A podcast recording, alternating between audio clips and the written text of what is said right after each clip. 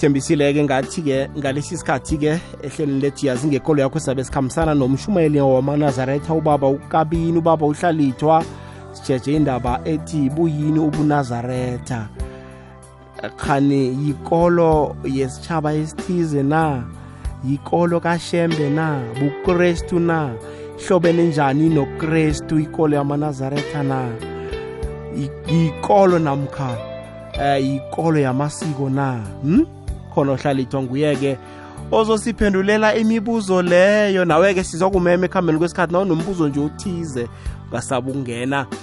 Ubuze hlalithwa omnyama namadodana.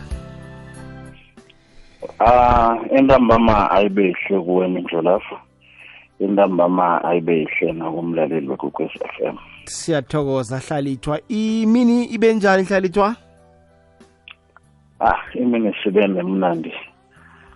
Ah mindlolafu ngangishishilo ezihlala zikhona emhlabeni umuntu efanele ahlala aqalana nazo. Esilonga saphila silenze zakusasa awuzweke. Hayi hlalithwa namhlanje nje sijeje nje. Umbuzo othi kuhle kuhle buyini ubunazaretha obuna khani ikolo yesitshaba esithize na? Ikolo kashembe na? Bukrestu na? Hlobene njani nobukrestu ikolo yamanazaretha khani ikolo yamasiko na? Eyasazi abantu abakhona ukuhlukanisa ubunazaretha eh nekolo yesintu ukuthi zihlukana njani into ezifana nalezo kodwana-ke imibuzo le izokuphendulwa nguwe. Asingene phezu kwendaba yethu hlalithwa. Ah ngikuthokoze-ke mindlo lapho. Ah mindlo uzimo ongujehova wakhetha isishaba sinye. Emhlabeni apha masifunda ngokwebhayibheli ubekade abizwa ngunkulunkulu wama-israyeli. Only isishaba nesishaba besinonkulunkulu waso. Uma uqala umlando webhayibheli unkulunkulu ukuhamba namaheberu from kugenesis uyofika kurevolution ukhuluma ngehistory yamaheberu inkolo yamaheberu ukuhlukunyezwa kwamaheberu kuwina kwamaheberu maheberu kuphela ngebhayibhelini manje-ke mindlolavo bekumnandi ngoba unkulunkulu ngalezo nkhathi zamaheberu abantu bakhe ubekade ababusa self angakathumele ezinye izizwe. Umuntu bekade ayinkosi nje kibukhethwe nguye uzimo aseduze nabaprofiti manje inkolo yobunazaretha ithoma le kumprofeti umose. Ilethwa nguzimu self ivela-ke ikolo yobunazaretha ngaphakathi kwebhayibheli izingaba eziyi-three. Ekuthomeni ikolo yobunazaretha bekusifungo sesikhatshana eh uma ngithi isifungo sesikhatshana ngingafanisa nesifungo sokufasta ukuthi fasta seven days or three days then asikazi ukudla utshwala asikazi ukudla ukudla ngoba sisobe sifastile. Ikolo yobunazaretha benjalo ekuthomeni ilapha encwadini kanyumeri six ukuthoma evesini ukuthi umuntu othatha isifungo sobunazaretha azihlukanise. Akazile lokho nalokho nalokho bekuphele leso sifungo. Kwakhamba kwakhamba uzimo amanazaretha wawa-introduza ngokuzala. Uma ufunda incwadi yabahluleli 16 verse 17 siyathola usamsoni ukumenyezelwa kokuza kasamsoni ukuthi ingilosi ithi kuyise.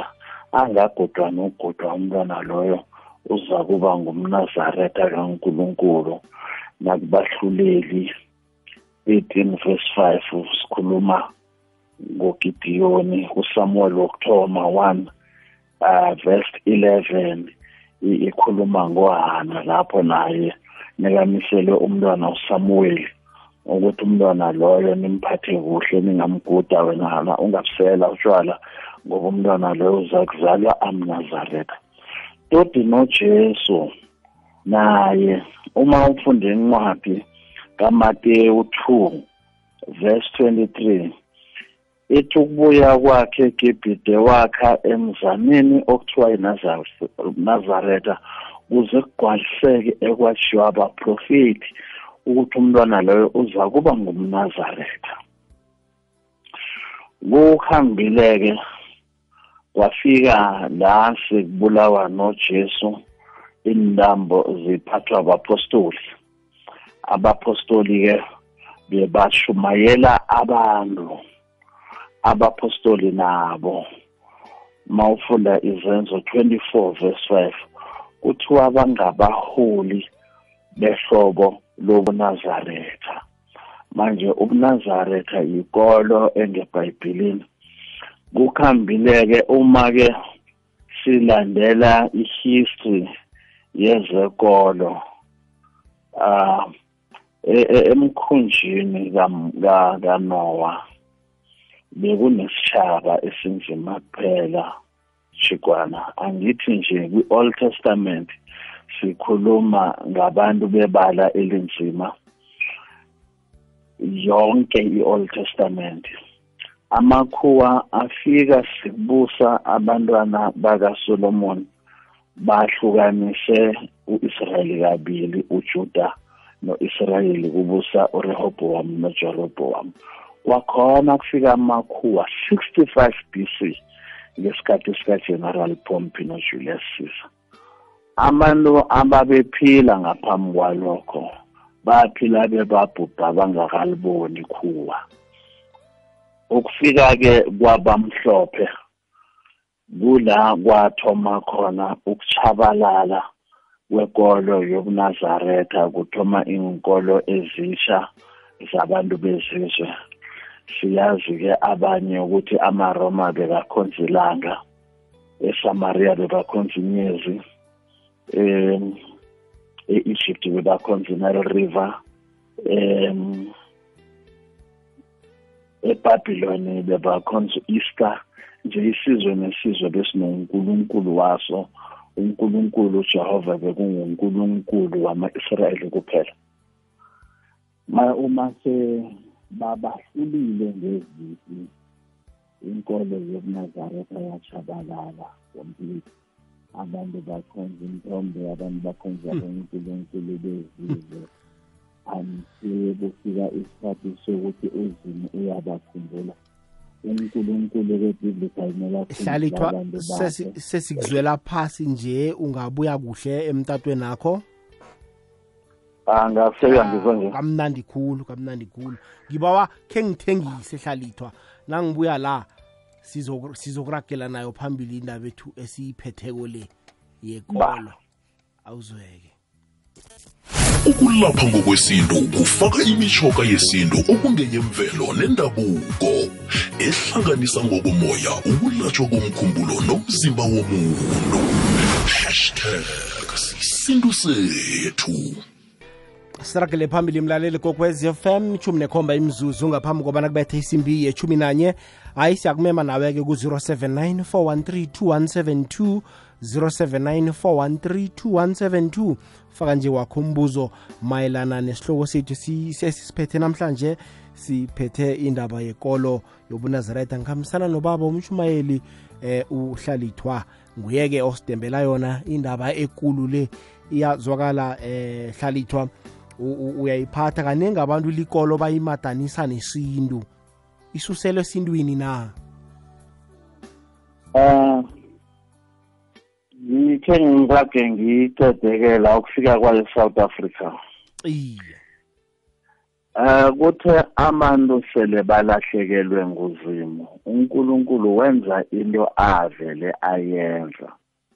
Wathumela uJesu emhlabeni ukuthi azokuvusa ibandla lakhile uJesu zangafike abe nguNkulunkulu noma azilinganise noNkulunkulu. Naw ufunda kuMatthew 6 from verse 9 uthi nanithandazako nithi baba wethu osezulwini. Akathi nithi Jesu azange nje azenze uJesu. Then kuyaqhubeka ke until sifika kwiBabylon captive ngo-70 AD kwehla abantu beTurkey bababiza ngama-Khazarians beza kwa-Israyeli balwa nama-Israyeli ama-Israyeli abalekela nge-Afrika.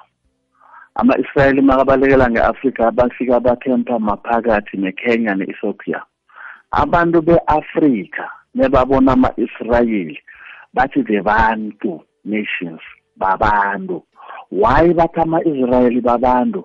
Because ama-Israyeli they were referring a human being as umuntu. Mabarefer mabasuka duze neKenya ama-Israyeli asuka into four groups. Igroup enye yaye Nigeria no-Igbo enye yaye Ghana no-Tutsi enye yaya Ethiopia no-Falasha enye yaya eCongo noLembe. From the Lemba nation mabamigrate abamigrate into two abanye bakhamba nondawo eZambia kuthiwa amandawo abanye bakhamba nonguni eSouth Africa kuthiwa benguni. From the nguni group kunezulu kunendebele kuneswati kunexhosa. Emva kweminyaka eminingi kiyo sona leso sishaba uNkulunkulu wavusa uJesu kiso sele sila eSouth Africa ngoba sebalahlekelwe ikolo sebakhonza imithombe wavusa godo omunye umprofeti khona lapho ngishembe ukuthi avuse yona lenkolo mawufunda isihlabelelo samanazaretha ushembe akayibizi ngekolo yakhe umthandazo wesabatha. Eh isihlabelelo samanazaretha umthandazo wesabatha verse 1 uthi bandla elikhulu likamenzi wezulu nomhlaba akathi bandla likashembe. Uvesi uthi mesabeni uJehova zizukulwane ngezizukulwane nigcine imithetho yakhe ayiloba ngenxuku yakhe uMose ukuze ukudumisa kwenu kwamukeleke kuThixo wemkhosi akukho lapho ushembe azilinganisa noNkulunkulu noJehova orathi yena unguJehova.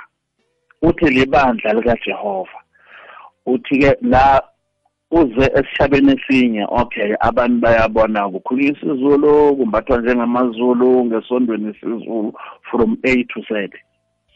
uNkulunkulu mzukwana athumela uJesu kwaIsrayeli wamthumela endlini kaJuda. uJesu wakhula isiJuda uJesu wagcina wonke amasiko wesiJuda uJesu wakhuluma isiJuda. Azange kose kube noJesu oliSamaria noliRoma no kwaba noJesu omunye oliJuda ngoba uNkulunkulu wayekhethe umfazi oliJuda ukuthi azale uJesu. Uma kwehlele ngapha uNkulunkulu ukhethe umfazi wakahadebe omzulu ukuthi azale uShembe. Azange kufanele kube noshembe omsuthu nomxhosa nompili nomtswana kwakufanele kube noshembe yedwa ukhuliswe mazulu wakhulela kumazulu wenza amasiko esizulu toti nje ukhuluma isizulu. Akunamehluko lapho. Kodwana ipurpose kaNkuluNkulu bekuthi ubuyisa ikolo yakhe yamandulo.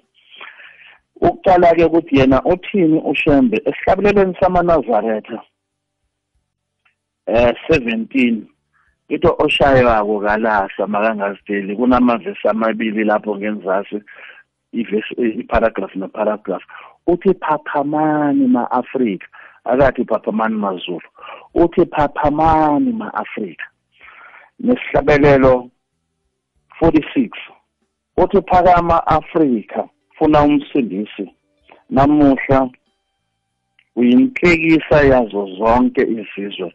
Ukuthi mina abantu be-afrika seniyihlekisa kufika abantu balama-arabhu nisonde kibo baniphiya amagama banitshentshe wekhenu toti namakhuwane kafika lapha sinikela ama-christian names. Um sikholelwa ekutheni wathandaza ngesindebele angathi unkulunkulu akakuzwa fanele ufake isikhuwanyana. Waqula ngesindebele angathi awukaphuquki fanele ufake isikhuwanyana. Siyinhlekisa. Manje uNkulunkulu balekela ukuthi sihlekise ukuthumela kwakhe ushembe kuleli lizwe eliphila thina ukuthi sikhonze uNkulunkulu ngesintu sethu singanyazilitho yethu simkhonze ngamasiko wethu. Ngoba i always say mindlo lavo ukuthi uNkulunkulu osilingwa amandebele nami uyangisilinga loyo.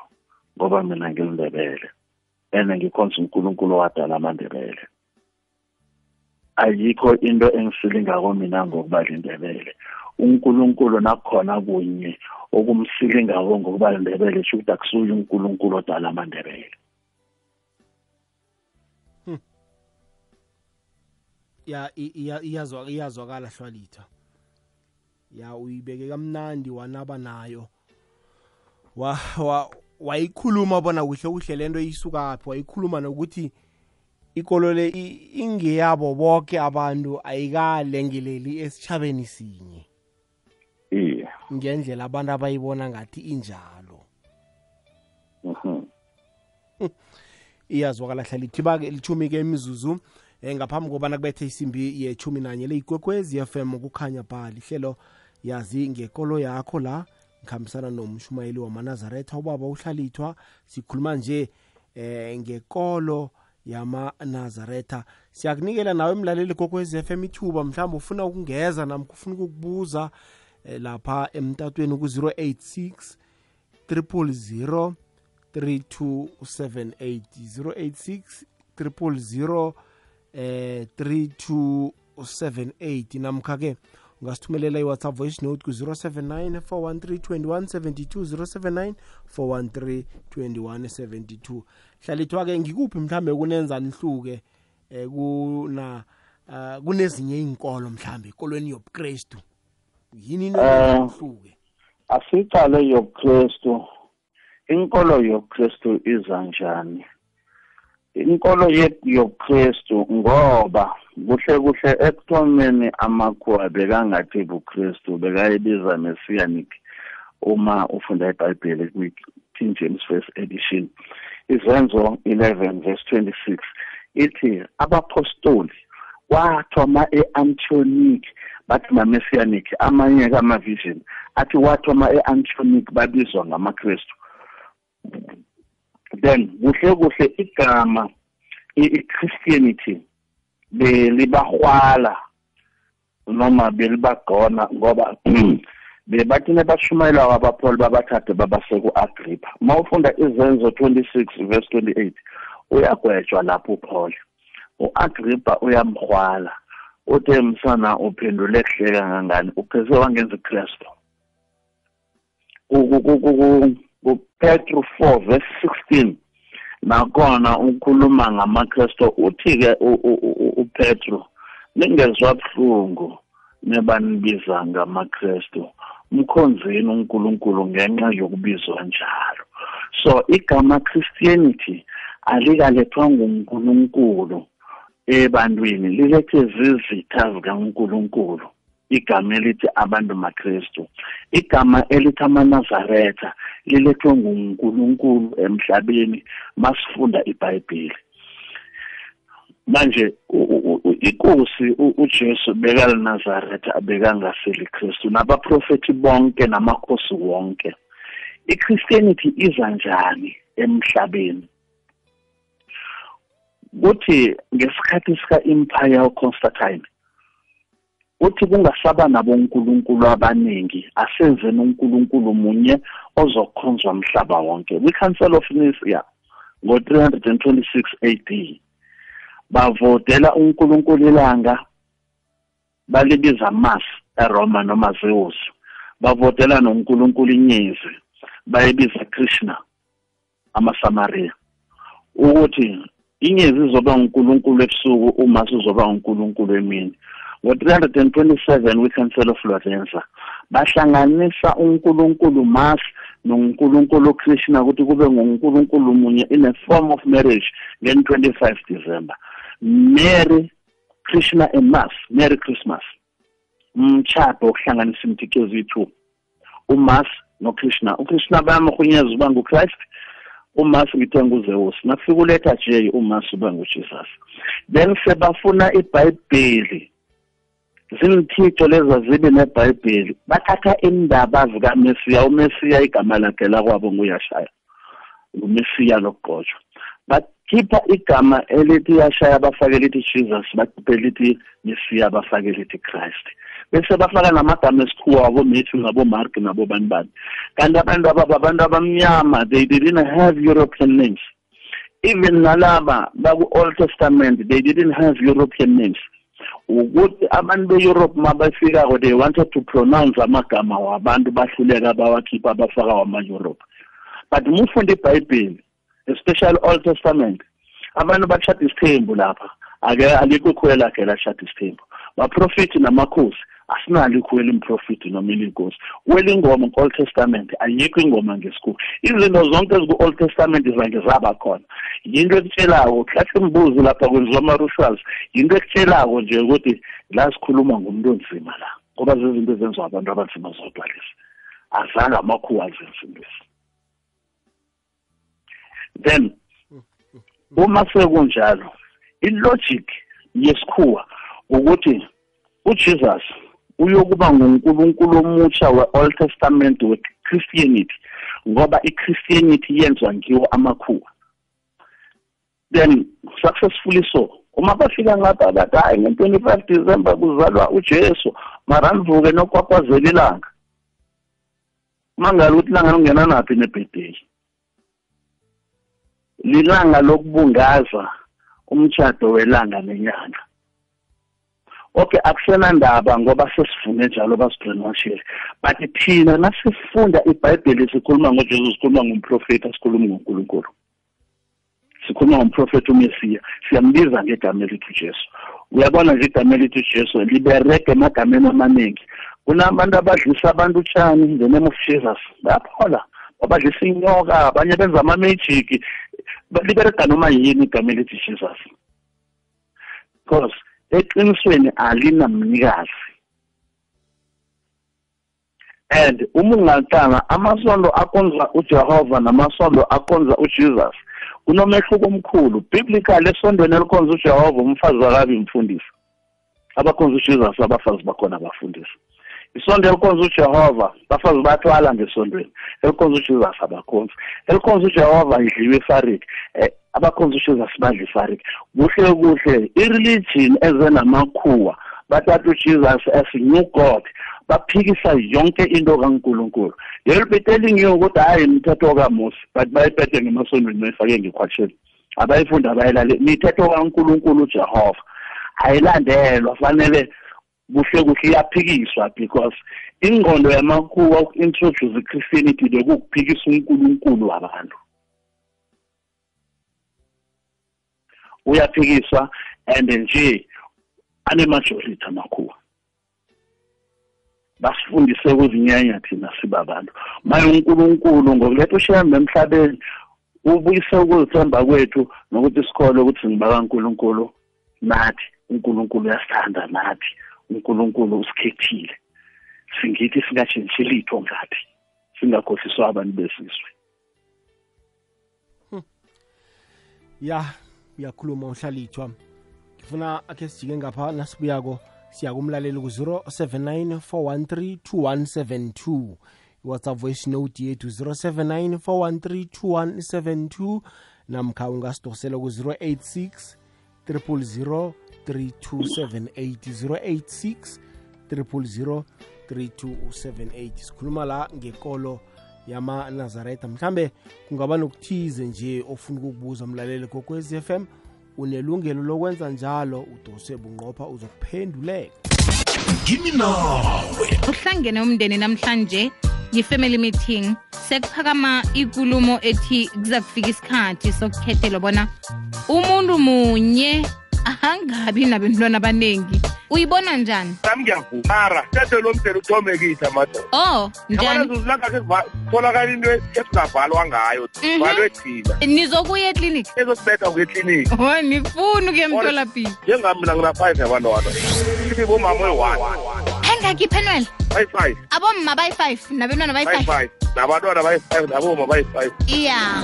Ngumvulo bekube ngolosihlanu 9 to 12 ngimi nawe.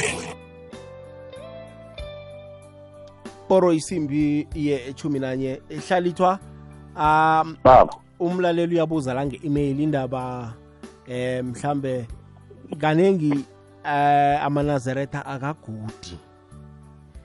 Lokho kususelwaphi begudu kwenzelwani? Ah mindlo inhlupho aziguda ungazili before ngize ebhayibhelini asize esintwini. Esintwini kuguda umfazi. Indoda ayigudi. Eh, ngoba ibhayibheli kwabasekorinte 11 verse 4 and 5 lithi umfazi ongafuni ukuthwala akagudi. Ngesibona-ke inkosi beyiphethe ngambili bebagudile bathwele imlingakobe bazintshiskopo kungakibo uyazila na ukuda kuyokwera ufelwe wenzeni? Then mara masibuyela ngapha ngebhayibhilini kunyumeri six um mayokufunda kuvesi five ithi zonke iy'nsuku zesifungo ungaliphuquli ikhanda nalezi engizifundileko zabosamsoni. Lithi ibhayibheli umntwana lo uyokuba lanazaretha ningamgudi. Maye kunengabo deuteronomy 22 verse uh, 21 verse 5 ithi ningaguda amakhanda enu niwazungeza ngengijehova enihluthwini mindlu yisignal ehlanganisa wena nengilozi yakho egade wena. Ungeza umuntu athi ngithe ngiyakuhamba kuphi kuphi ngaphakanyelwa zinhluthu. Yisignal ekutshela ukuthi la akukho rehe angihabe ukuzwa kumuntu waphakanyelwa ishiskopo angihabe umuzwa njalo athi engiphakanyelwe ishiskopo la. Umuntu uphakanyelwa zinhluthu kungena umoya ngoba la ayakhona akukho right. Maye kusemthethweni kaNkuluNkulu ukuthi ikholwa lingakuda ya no kuyazwakala hlalithwa. Kuyazwakala. Kungendlela amanazaretha ayibona ngayo indaba le bona mhm ibhayibheli yatsho bona awugudi ngabomu. Awugudi ngabomu. Uguda ngesizathu esithize. Iyazwakala ku-079 413 2172 079 413 3172 iwhatsapp voice note yethu naku-086 3003278 086 30032 eh 78 hlalithwa kunomlaleli la engimbonako ku-email uyabuza uthi hayi abone eh ezinye inkolo zinine amasiko wabantu abanzima njengokuphahla nokuthi nje umuntu wenze isiko lakhe kuza njani ushembe anganini amasiko? Ah kanenge imindlo lapho. Umuntu onina amasiko umuntu ongakawenzi.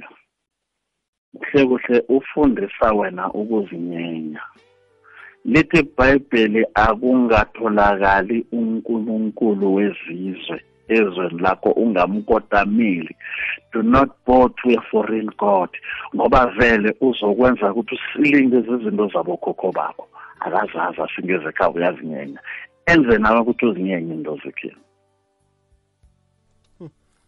ya kuyazwakala leyo ndawo.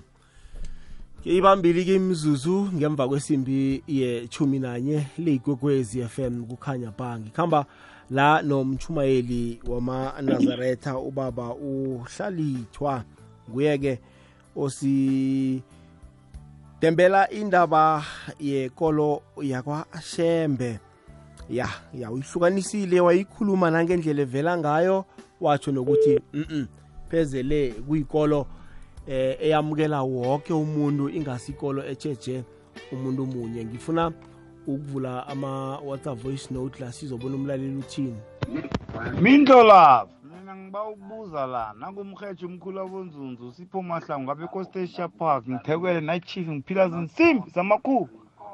Nangiba ukubuza ngoba amasondo la nangathi uqalile abezalwane ama-zcc abo-ipcc in in whatever. Uthola bathi umuntu eh especially abazalwaneni ya. Bathi nawunga akukafanele uwele. Uwela njani? Usindisiwe. So kuwe lokhu kusisono na? Pheze ukuhamba phezu kombuzo wami lo engiwubuzileko ohlalitha esele uphendulile bona nina eh abanini nakancane ah ukwela mindlo umthetho kaNkuluNkulu loyo awunikela umuntu kumthetho awunikela abo bamkhulu le ku-abrahama ukuthi amadoda ayakusokwa wonke. Genesis 17 verse 10 kama uyifunda lapho. Wonke kube lesiko elingapheliko so uNkulunkulu lapha kuJoshua 5 nawuthoma ukufunda kubo verse 15 before bangena ezweni lesithembiso uzimo wathi joshua angifuna kahle kwabo. Ezweni lesithembiso wele nayigodukako-ke abantu bakhambe baye ezweni lesithembiso. So yinto kankulunkulu leyo. Mara-ke umthetho lo wake unikela abantu. Manje ikolo ngoba seyiphethwe makhuwa abantu abangazi litho ngesiko. Bayamina vele. Ngithe mina ibhayibheli ithe kumahubo 81 verse 9 ungamkhonzi unkulunkulu wabezizwe jeremiya 10 verse 2 ningafundi indlela yabezizwe. Ya iyazokala hlalithwa kuleyo nawo uyayibeka uhlalithwa begoduke uyakhotha nemtlolweni. Alo hlalithwa ikolo yobunazaretha ni eh nihlobana njani nobuKristu? Uh ngithe mina igama elithi abantu maKristu livele ebantwini. Igama elithi abantu zakuba manazaretha lavela kuNkulunkulu. I quoted ukuthi amanazaretha bekashumayela eAntioch ngoba bekashumayela ngoKristu. Lithi iBhayibheli kwathoma lapho abantu bathi maKristu. Njelathi nje siyashumayela sikhuluma ngoshembe. Abantu abasazi ukuthi simanazaretha bathi simashembe. So nawo amanazaretha emiddle east ayekhuluma ngomprofeti ukristu bathi makristu. Hmm. ya no iyazokala alo eh amanazaretha ngimiphe eminye nje imithetho eninayo e, eyenziwa amanazaretha akukho mindlolafu esikwenzako okungekho ngebhayibhelini umbe esihlabelelweni umthandazo wesabatha verse 3 uthe simdumise ngemthetho yakhe ayiloba ngencuku yakhe uMoses. Shukuthi-ke ya 100% compliance emthethweni. Ungajali uhlalithwa ukuthi lo uyambhalela bese ucabanga ukuthi umanazaretha enza into le ngoba ngiyabhalela. Yonke imithetho yebhayibhelini ushambe usifundise ukuthi siyilandele njengokunjalo Stop umlaleli la kwekwezi lotshani ikwekwezi? Kwekwezini lotshani ninjani isikhona ninjani awasivukile. Siyathokoza. Ngiba ukubuza i-good friday itsho ukuthini i-good friday? Iye. Uza kulalela emhathweni baba ngokuba ngokuma Nazaretha ngokwa Nazaretha i-Good Friday itsho ukuthini hlalithwa Um indlelavu i-Good Friday angithi asiyicelebrate simanazaretha at all. Kodwana-ke angichazele nge-good friday nephasika ukuthi into ezinto embili ezihlukileko iphasika ne-good friday iphasika i-good friday no-easter festival. Ngithe nangithoma ukukhuluma ngathi u-easter kade kungunkulunkulu webhabhiloni onomhasu onisizulu ku-easter-ke bakholelwa ukuthi i-fertility religion. Abantu abangabi nabentwana afanele babelane umseme nge-easter leyo kuselutshwala nge-easter leyo kwenziwa konke bakholelwa ukuthi kutshalwa ngobutsha iy'tshalo zizokumila kubawa izulu and all those things kujeremiya 17 jeremiya 44 verse 17 kepha siyakwenza impela njengamakhosi akithi nasezitradeni zasebhabhiloni sishisele inkosikazi ezulu impepho siyithelele nomnikelo wokushiswa so ngunkulunkulukazi webhabhiloni u-easter okay i-easter festival nayo beyicelebratewa nge-spring day. Ngoba kuthoma amazulu zinjalo ezisha.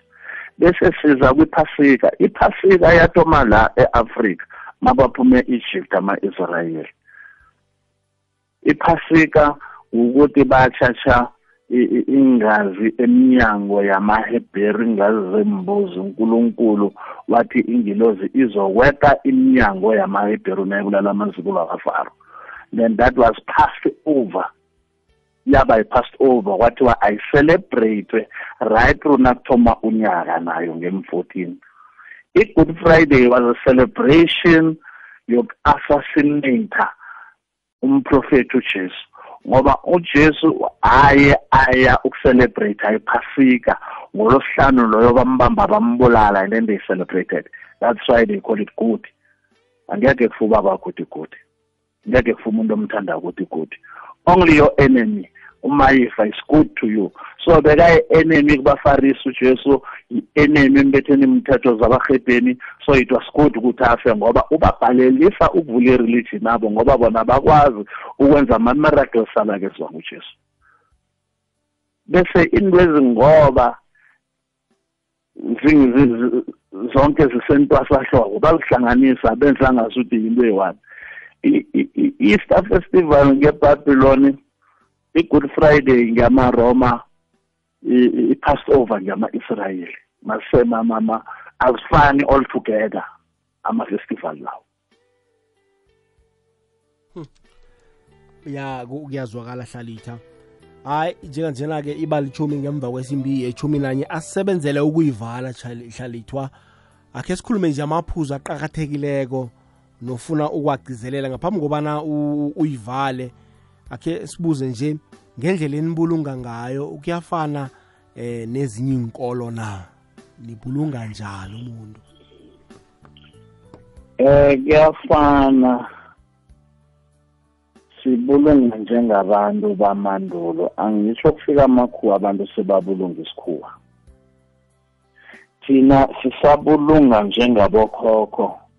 Umuntu asimfaki ngaphakathi kwebox nendlolavu ngoba iNazaretha alinayo indawo emathuneni.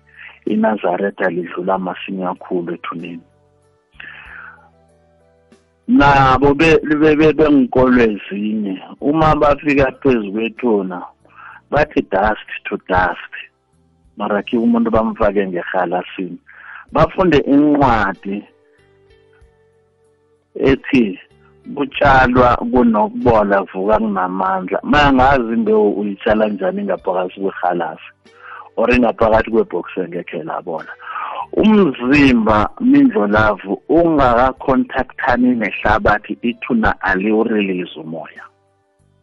Manje thina asifuni nokufuna ukuthi isidumbu esisilinde ukuthi bekubole ibox asiliberegise siyaliphula siliphosele lapha umuntu simphuthe ngesikhumba sakhe inyama yakhe ikhona ukubuna masinya akhona ukusuka masinya ethuneni abuyele kwabo. Abantu bayazi kwakade kwakade bayazi ukuthi umuntu makafile kwabantu ba-estimate five weeks ukuthi five weeks idlulela senze isibuyiso. Maye umenzela njani umuntu omngcwabe ngecasket eighty thousand in five weeks? Mase into leyo izokuthatha hundred years ukubola or more. So umoya lo uzobe uzula ethuneni until inyama yakhe ithindwe yihlabathi noma ungathatha isiphilo usifake ngaphakathi kwebox ibhox phela lingakabuli isiphilo sangeke samila ihlabathi ingakafiki kile. Yes. Nomuntu kunjalo iyazwakala hlwalithwa khe ngizwe la umlaleli. Eh sawubona sawubona mhashi ngicela ukubuza kubaba ukabini ukuthi kuyiqiniso yini ukuthi abenkolo yomnazaretha abayifuyi inja notshwala futhi ababugayi uma ngabe kunjalo ngicela ukwazi ukuthi bakuthathaphi lokho. Uma ngabe kukhona eBhayibhelini ekhona amavesi akhuluma ngaloko bengicela angitshele wona. Iloko nje bengifisa ukwazi okwamanje eh ukhuluma nozwelihle ngwakanyawose ngisemlotho. Ngiyabonga. Hmm. asimphendule hlalithwa numero 6 uma wesilisa noma wesifazana zehlukanisa athathe isifungo sokunazaretha azihlukanise notshwala obukhali angasili wayini?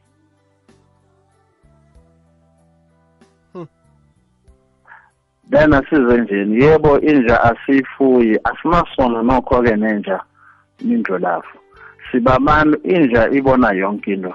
Ibona into ezihle ibona into ezimbi ibona impilo yonke yemoyeni inja manje inja ikhongotha ikhongothe nengilozi ekhaya ingilozi ayizi kuwe ungakalali job fourteen thirteen. Unkulunkulu uza ngamaphupho. Mayangekeza kuwe ngephupho ungakalali indlela kuyakhongota ngaphandle awuvuke ujikeleze umuzi lo uthole ngingananesi kanti bekongota abantu bekhenu. Ma asifuni ukudistejwa isondo esikilo lisondo sisonda nabantu bemakhaya sikhonzela bona abantu abasemoyeni. Manje mabaletha imbusiso ekhaya fanele basithole. Bakuthola uvukile bathi nomloyi wakuthola uvukile akakhona ukukuloya nengilozi eza kuwe ikhona uvukile ayikhona ukuza kuwe ngephupho. Ma asiyifuni nje asiyifuni at all. Ngikuphi okhunye ningakwenzi ngikakubalela kubethu twelve. Bala okuncane nje sesizoyivala. Okuncane nje kusemehlweni ethu. Eh mindlo izinto ezenziwa amanazaretha nezilwa amanazaretha ubona nebakutshelako kuhle kuhle sizokutshela into yaziko ayikho into ongayaziko esiyenzako nesingayenzi.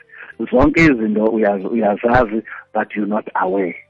Ngenxa yobrainwasha zinkolo zamakhuwa nenkolo zabantu bezizwe. But nasele sibuya sishumayela inkolo yokunazaretha then you come forward and say mara baqinisile. Njengoba ngikhuluma nje ngiyazi amandla abekho ekolweni okunazaretha but nobody has guts to say unamanga ngoba ngikutshela into yaziko nento ekhona ngehlobo wakho but you were not aware ukuthi uyayazi into le.